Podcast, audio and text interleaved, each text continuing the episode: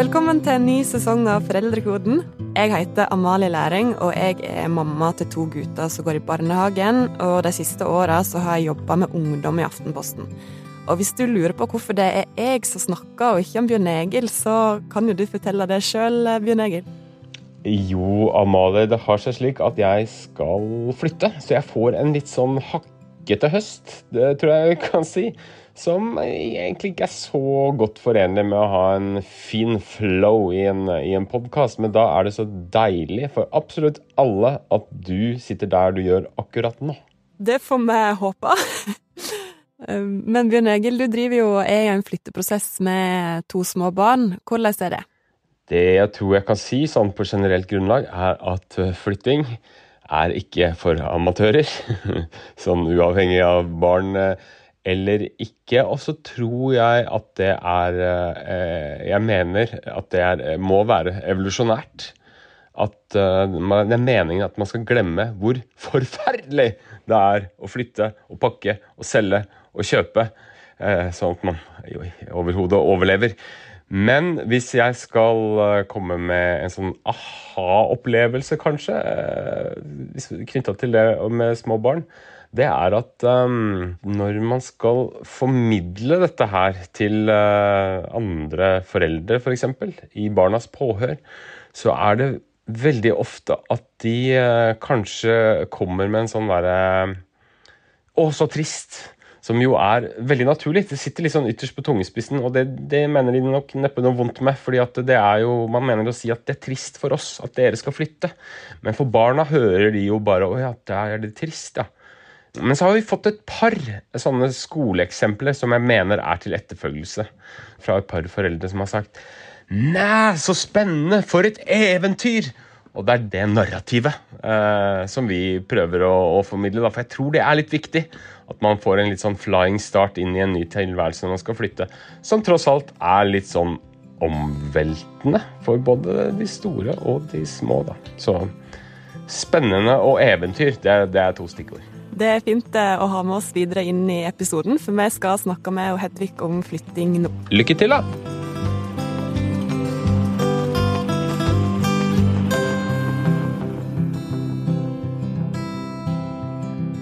Hedvig Montgomery, psykolog, velkommen til ny sesong. Vi skal straks snakke om flytting, men aller først, for nye lyttere, hva er målet med, med denne podkasten? Altså det, er, det, å være forelder er det morsomste, det mest slitsomme og det vi alle er nybegynnere på når vi begynner med. Målet med vår podkast er at alle skal få litt mer eh, muligheten til å snakke om denne viktige jobben, sånn at den både blir litt lettere å gjøre, og kanskje av og til litt morsommere også. Det blir tidvis snakk om at det er altfor masse råd til dagens foreldre. Ja, og det er det jo. Så eh, Husk at alt du hører skal filtreres gjennom ditt eget liv, og du skal følge de rådene som passer. Da er det etablert, og vi skal snakke om flytting. Eh, hvis vi starter, tar det helt fra start med selve tankeprosessen. Eh, du har barn, og du vurderer å flytte. Enten det er til en ny bydel, til en ny kommune eller til et nytt land. Hva er det første du må tenke på som forelder da?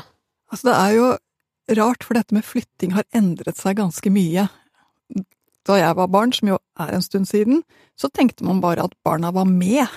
Man tenkte ikke helt på barna som deltakere i flyttingen, er min erfaring, og jeg flytta en del ganger som barn, jeg var i hvert fall bare med. Nå tenker vi jo litt annerledes både om det å være barn, om hva barn trenger, og også at det faktisk går an å snakke med barn og få dem med på laget når man flytter, ikke gjøre det mot dem. Og det tenker jeg er en veldig, veldig fin tanke, for har du barn og skal flytte, så er det ikke du som flytter, det er dere. Og da er den første tanken hvordan kan vi gjøre det godt for oss som familie å flytte? Fordi flytting må av og til til. Jobben gjør at vi må flytte, eller familie gjør at vi må flytte, eller kanskje er det økonomien som gjør at vi må flytte. Det kan være så mange grunner til flytting, ganske gode grunner. Men skal det bli bra, så må man også lage et liv som er ålreit for alle i familien, også de som er små.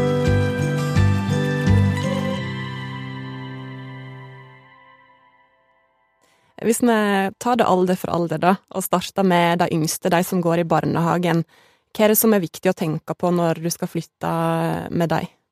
Barnehagebarna har et viktig holdepunkt her i livet, og det er familien. Så det å gjøre det på en måte som gjør at dere er familie sånn som dere er, altså at det ikke blir for stressende, at det ikke blir for slitsomt, men at dere klarer å ha litt pusterom, gjør det lettere for barnehagebarna å flytte. Og også å være veldig sånn konkret for barnehagebarn, hvordan det skal se ut der de kommer, eh, rett og slett kunne lage bilder som de forstår, når man så har tatt beslutninger og begynner å snakke om det. Ellers er det jo det å sette seg inn i eh, barnehagesituasjonen dit man skal, hvordan den er, dra på besøk i forkant, sånn at de har fått kjenne litt på dit de skal. Men her er greia med barnehagebarn. De gleder seg når de får lov, og når det kjennes trygt ut. Så her er det så mye hva slags stemning du lager rundt flyttingen. For det er så lett å tenke med de aller minste at det er liksom lett å flytte med dem, for de er ikke så satt kanskje i i det miljøet de er i, at det er lettere å ta dem ut enn, det med de eldre barna. Ja, og det er litt grann sant også, fordi igjen, familien er det viktigste for de yngre barna. Men samtidig så ser vi at en del av dem i barnehagealder har en nær venn. Kanskje litt under halvparten. Og der er også det å ha litt respekt for at det gjør vondt å flytte fra noen, at det er lov å være lei seg for det, det å legge til rette for at det går an å komme tilbake igjen og besøke har noe å si for den aldersgruppen der. Hvis vi går videre til de som er litt eldre, de som går på barneskolen, eh, hva er det som gjelder da? Ja, barneskolen er en så viktig alder for deres identitetsutvikling og for opplevelsen av å være seg. Her har det også skjedd noen ting. De har begynt å gå ut av familien for å finne ut hvem de er. Så de har lett mye akt, mer aktivt etter aktiviteter de liker, venner de føler seg like. Så på småtrinnet så handler det mye om hverdagen, altså rett og slett hvilke aktiviteter trengs, og hvordan ta vare på de vennskapene som de har begynt å forme. Det blir enda viktigere når du kommer opp på mellomtrinnet. Eh, så hva slags liv lever de, hva liker de å drive med, hva kan vi ta med oss videre? Den type spørsmål er det de er litt opptatt av, og også huske på at de har et liv med seg som de husker på en helt annen måte, og tar vare på på en helt annen måte. Jeg tror jo også at det som er rart med denne aldersgruppen her, det er at de er både ganske sånn, de vil ha det sånn som det har vært, samtidig så er de drømmere, og de kan nesten bli for forledet av drømmen om hvor bra det skal bli dit de kommer, de kan rett og slett få for store tanker om hvor fantastisk det blir med det nye huset, eller at de får eh, hund eller hest, eller hva det nå kan være for noe man har uh, man har som en liten sånn tenk så fint det blir, uh, og så blir det en kjempeskuffelse, fordi det er jo ikke helt så enkelt heller. Så det å huske på at disse barna er i en drømmefase hvor de faktisk kan se for seg ting som blankere og finere enn det de faktisk er. Hvordan skal en løse det, da? Nei, rett og slett si at eh, det blir som her, bare litt grann annerledes. Holde på at eh, noen ting blir kanskje annerledes, noen ting blir kanskje litt sånn trøblete i starten fordi det tar tid å bli kjent, og noen ting blir kanskje fint med én gang, som at det blir fint å få et eget rom, eller hva det nå kan være for noen ting. Så jeg tror at det å holde litt balansen og ikke bli revet med selv i, i den totale prinsessedrømmen, for å kalle den det, eh, kan være lurt for, eh, for foreldre med barneskolebarn. Når de blir enda eldre, begynner på ungdomsskolen eller videregående, da er det lett å tenke at det blir verre å flytte, for da er liksom så satt i det miljøet en er i ofte, eller at det kan være vanskeligere å komme inn i en gjeng som allerede, en vennegjeng som allerede finnes, eller en klasse som allerede er så etablert, da. Mm. Ungdomsskoleelevene er jo mer inni seg selv og opptatt av seg selv, og det kan være veldig vanskelig å få dem med på prosjektet. Hva gjør at vi må gjøre dette? Der kreves det en begrunnelse på mange måter som de kan forstå eh, og synes er rimelig. Eh, og ja, det er vanskeligere å komme inn. Du er mer selvbevisst, mer opptatt av hvordan du snakker, mer opptatt av så mye ved deg selv sett fra utsiden, at eh, det å kjenne at den der bøygen vil jeg komme over, de trenger rett og slett å ikke føle seg ensomme med det strevet dette også fører til, og se at det er en grunn til at vi gjør det, som, eh, som er viktig også for meg. Så det er klart at det er vanskeligere, og på videregående vil du kanskje til og med finne ut at de ikke har lyst til å være med, altså at du får en skikkelig clinch og en opposisjon, det kan du få på ungdomsskolen også. Så det å ikke havne i skyttergravene, men å fortsette å lete etter løsninger som passer både for voksne og for barn, eh, blir mer en balansekunst og mer en forhandlingskunst.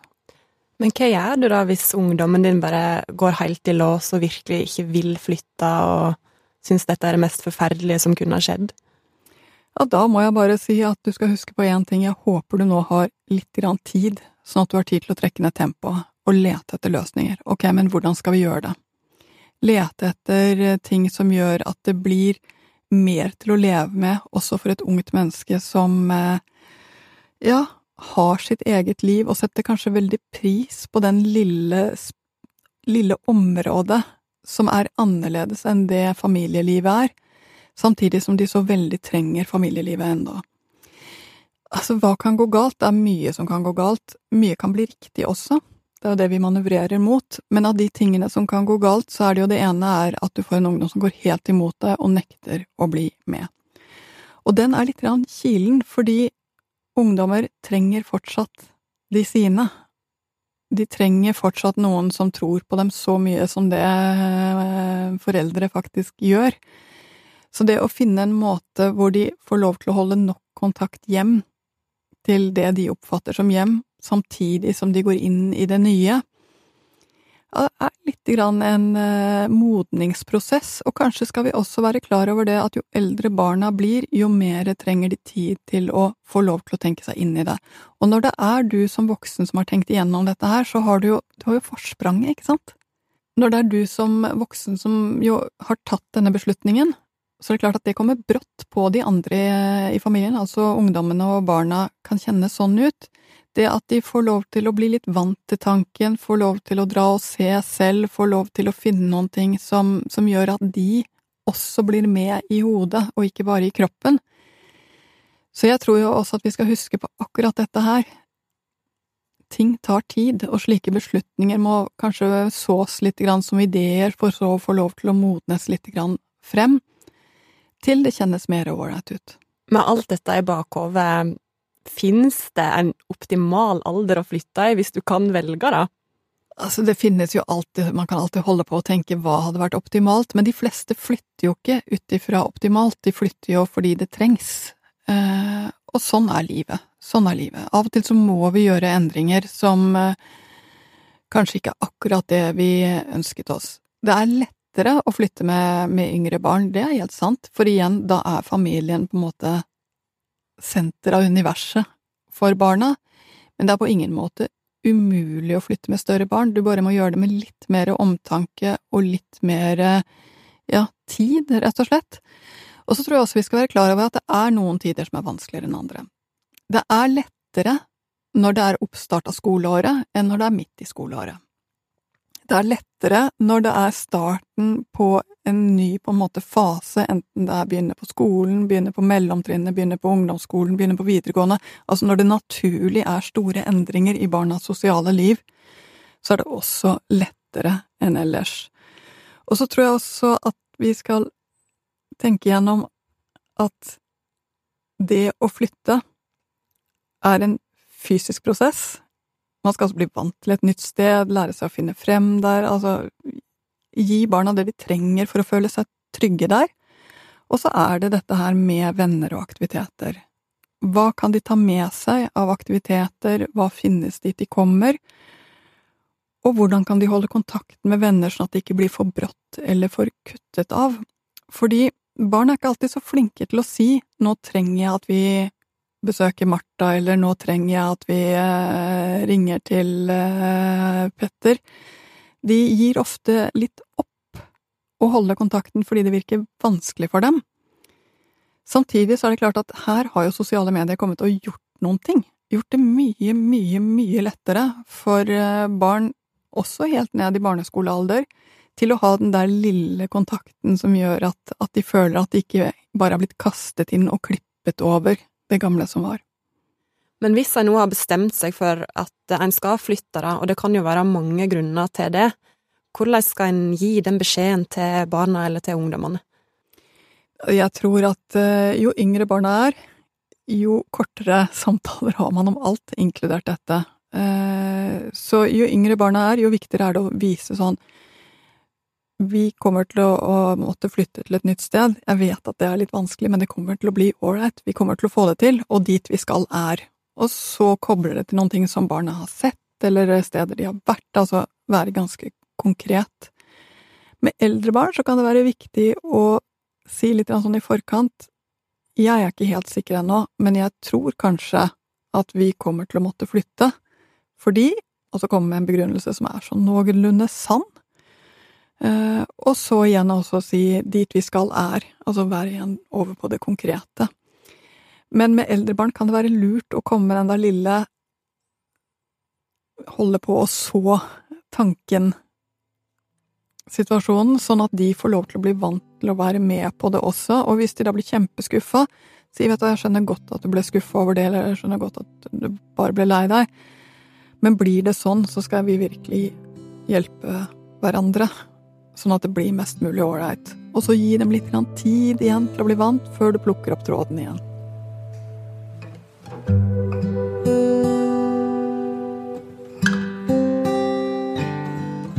Hvis de voksne er i den tankeprosessen der de vurderer fram og tilbake om hvor de skal bo og hvor de skal flytte, så er det ett tema som veldig ofte dukker opp, og det er den der skal vi flytte hjem til heimbygda, til heimplassen? Og det kan jo Jeg snakker jo av, av, erfaring der, det kan jo føles å være den største valg, for det handler jo om hvor de skal ha sin oppvekst, og eh, hvor de skal ha sine røtter, da. Mm. Hvordan skal en klare å ta et sånt valg? Dette er jo ganske interessant, fordi stort sett så ser man jo for seg en oppvekst for barna sine, omtrent som ens egen, hvis man har hatt en sånn noenlunde oppvekst. Hadde du hage og syntes det var deilig å kunne løpe ut i gresset, så er det å tenke seg at barna skal vokse opp i leilighet virke litt stusslig.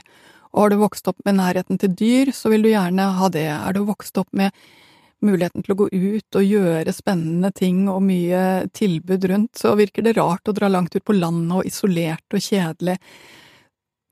Og det betyr at når du har truffet et annet menneske og dere får barn sammen, så har dere kanskje helt forskjellige ideer om hva en god barndom er for noen ting. For den ene er det kanskje hage, mens for den andre så er det nærhet til eh, aktiviteter og, uh, ulike tilbud i nærmiljøet som man bare kan gå til.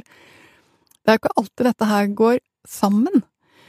Og jeg tror nok at dette er en av de vanligste tingene å virkelig klinsje om når man har fått barn sammen hva slags oppvekst skal vi gi barna våre? Og plutselig så blir det jo så veldig klart at den du er forelsket i og bare har sett som helt lik deg, kommer inn med noe helt annet. Noen kan jo òg føle på et veldig press fra egen familie på å flytte hjem, spesielt når du får barn. Ja, men nå når du har fått unger, nå skal du vel komme hjem, og vi vil jo se barnebarnet vårt, eller med Altså den type press, da. Ja, og også det at uh, hjelpen finnes jo der de er ikke nødvendigvis der du bor. Uh, og det å si nei takk til besteforeldrehjelpen fordi de bor et helt annet sted, det er klart da, da har du noen ting som drar, uh, og som mange kjenner på, samtidig som det kanskje ikke passer for den familien som du har startet med dere tre. Så jeg tror at dette er både en identitetsting og en praktisk ting eh, som mange familier kjenner på i Norge. Hvor skal vi bo, hvordan skal vi leve, hva slags oppvekst skal barna våre få? Og ja, hva slags oppvekst barna får, henger mye sammen med hvem som er rundt dere, og hvor dere er. Ja, for det, var, det lurer jeg veldig på, det der med bygd og by. Har det noe å si hvor du vokser opp, har det noe å si for ungene? Ja, men det er klart det har det. Det er klart det har det. Det former oss jo hva vi ser for noen ting hver eneste dag. Så det er klart det har det. Det er bare det at det finnes fine kvaliteter så mange steder, og skal du bo et sted, så må du se etter det som er fint akkurat der dere er. Og det fører nok av og til, når du havner i den diskusjonen med kjæresten din, at han ser bare det negative i der du kommer fra, og du ser bare det negative i der han kommer fra. Og da kommer man fort ganske langt fra hverandre. Men sannheten er jo at dere begge to har blitt ganske ålreite mennesker. Du har nå engang forelsket deg i ham, da. Eh, så det er jo helt tydelig at det går an å bli et bra menneske også med en annen type oppvekst. Men hvordan, hvis du har den uenigheten, da, hvordan kan du snakke om det på en best mulig måte, for det er så fort å havne i sånn angrepsposisjon fordi så, nettopp fordi det er et så stort tema, da. Mm. Jeg tror det aller viktigste er å vite at dette er nært, dette betyr noen ting. Det handler om det livet du har levd og hva du har satt pris på, og da handler det også om hvem du er, så du viser jo kortene dine veldig. Så det aller første er å ha litt omtanke med den andre, skjønne at den andre også har noen ting som er nært, som han eller hun kommer med. For hvis du hører ordentlig etter hva den andre sier, så blir det også mer plass til å si det du mener. Og ofte hvis det er en sånn uenighet, så vil det jo som regel da innebære at den ene vinner, og den andre taper. Den ene får det som den vil, og den andre må bare bli værende en plass han kanskje egentlig ikke vil være, da. Mm. Hvordan går en videre fra, fra det? Jeg må jo si at kjærlighet får en til å gjøre mye rart. Jeg hadde ikke tenkt at jeg skulle bli i Oslo, men da jeg fikk barn her, så tenkte jeg at ok, men da var det sånn det ble. Rett og slett fordi det var det som var mulig med den familien som vi etter hvert ble. Hender det at det stikker i hjertet på meg når jeg da kommer hjem til Sverige, som jeg egentlig er fra, og kjenner lukten av svensk mat, spiser den svenske kanelbullen og kjenner at den smaker helt annerledes enn den norske. Jeg hører at alle snakker svensk, som er utrolig befriende. Hender at jeg kjenner på den der at det var sånn livet ble, og jeg hadde aldri sett det for meg. Ja, jeg kjenner absolutt på det, og så syns jeg allikevel at det har blitt så fint sånn som det ble. Oslo er ikke så gærent, eh, og jeg ser at jeg kunne nok ha bodd de fleste stedene i Norge, eller i Sverige, eh, med det, de menneskene som etter hvert har kommet rundt meg. Så ja, jeg tenker nok at det er lett å se seg veldig eh, bli, få den der sårheten av at det var jeg som tapte og du som vant. Eh, men i det øyeblikk det har kommet et vi inn i livet ditt, så er det ikke fullt så enkelt at det bare handler om dine gevinster eller dine tap så må en kanskje bare på et vis slå seg til ro med at det savnet vil ligge der ganske lenge, da. Ja, og kanskje ligger det der Altså, vi er jo en sum av det vi har opplevd og det vi har fått med oss. Men det må jeg også si, det er lite som skal til av å gå på min barndoms gater før jeg husker andre ting og øh, kjenner at det er ikke så mye som skal til, så plutselig har jeg den kontakten igjen. Og det tror jeg også er noe å tenke på, at det å dra tilbake igjen er jo både sårt og fint. Og sånn blir det også når man har flyttet med barn. Det er både sårt og fint å komme tilbake igjen for barna, og du må nesten romme begge delene når man drar på besøk tilbake igjen til gamle stedet der dere bodde. Hvis en er veldig i tvil om hvor en skal bo, da, er det et alternativ å ta et prøveår en annen plass og se hvordan det funker? Klart man kan det, men et prøveår blir jo en frem og tilbake ekstra. Eh, og kanskje gjør det også at man ikke investerer nok i det stedet man kommer til. Så det finnes sikkert gode eksempler på at det har fungert veldig godt, men jeg tror også det kan gjøre at man ikke får hele hjertet med seg i det som er å bygge et liv og bygge en barndom.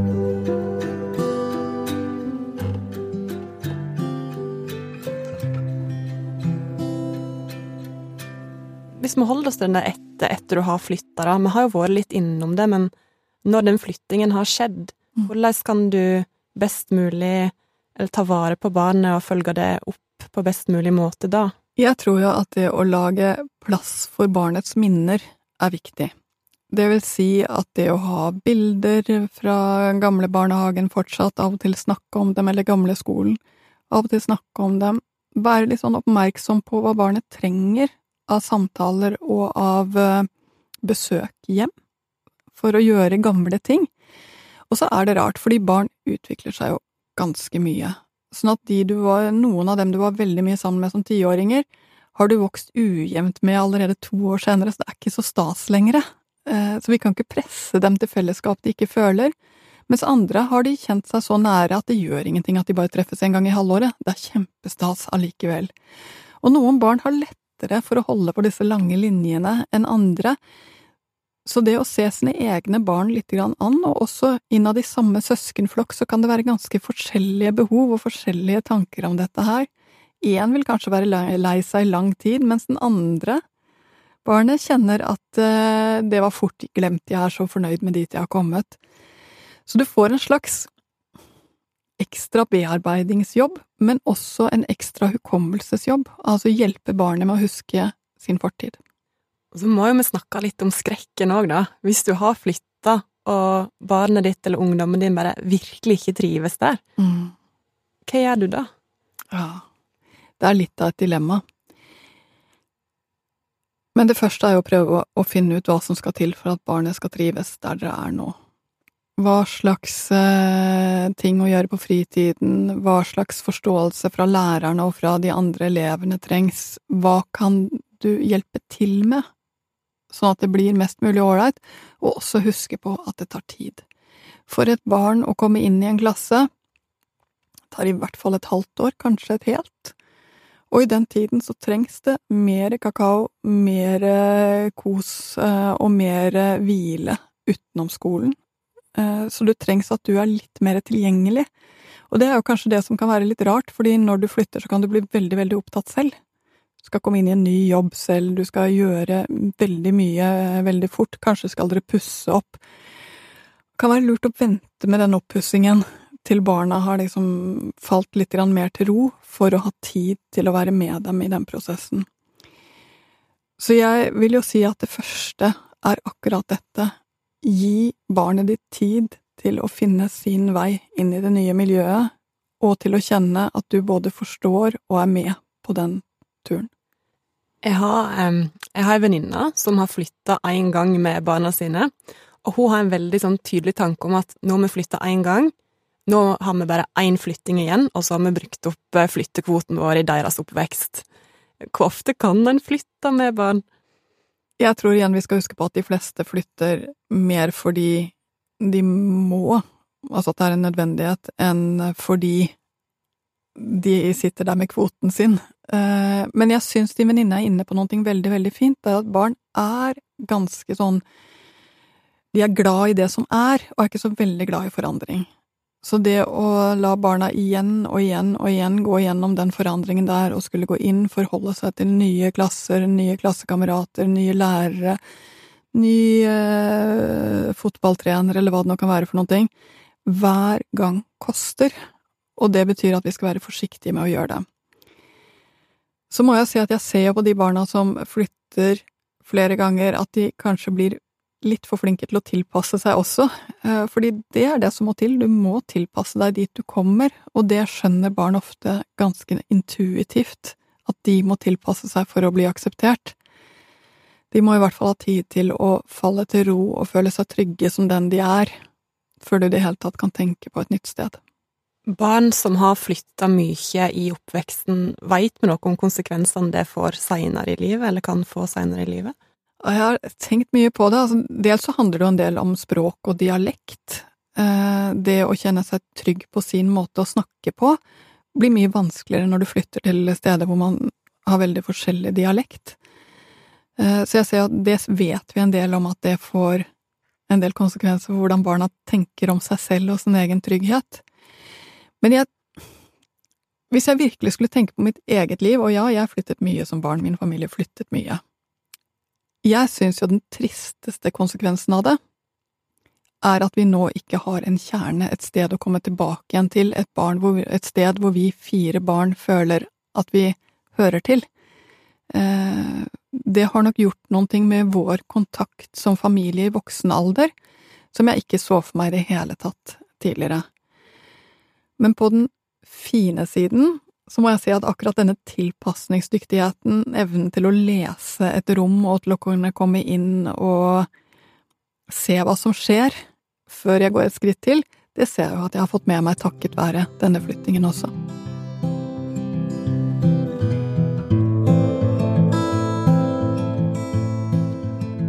Vi skal runde av, men hvis vi skal prøve å oppsummere litt, da. Hva er det viktigste en kan gjøre for at flytting skal bli så bra som mulig for barn? Det aller viktigste å huske på er at du flytter med en som har sin, sitt eget liv. Så virkelig tenk igjennom livet til de barna, eller det barnet. Hva skal til for at hennes liv skal være sånn noenlunde ålreit på det stedet vi flytter til? Hvordan skal det se ut å ta med barn på praktiske ting som de kan være med og sette fingeravtrykket på? Som hvordan rommet skal se ut, farger dere kan velge, den type ting, så fort det begynner å bli klart hvor dere skal, og hvordan det skal se ut.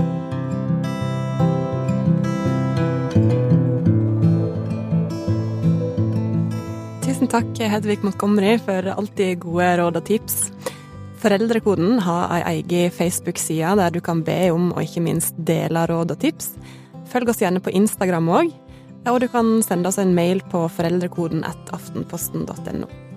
Foreldrekoden er ellers laga av meg, Amalie Læring, og produsent Fride Nesten Onsdag. Ansvarlig redaktør er Trina Eilertsen. Ha det bra!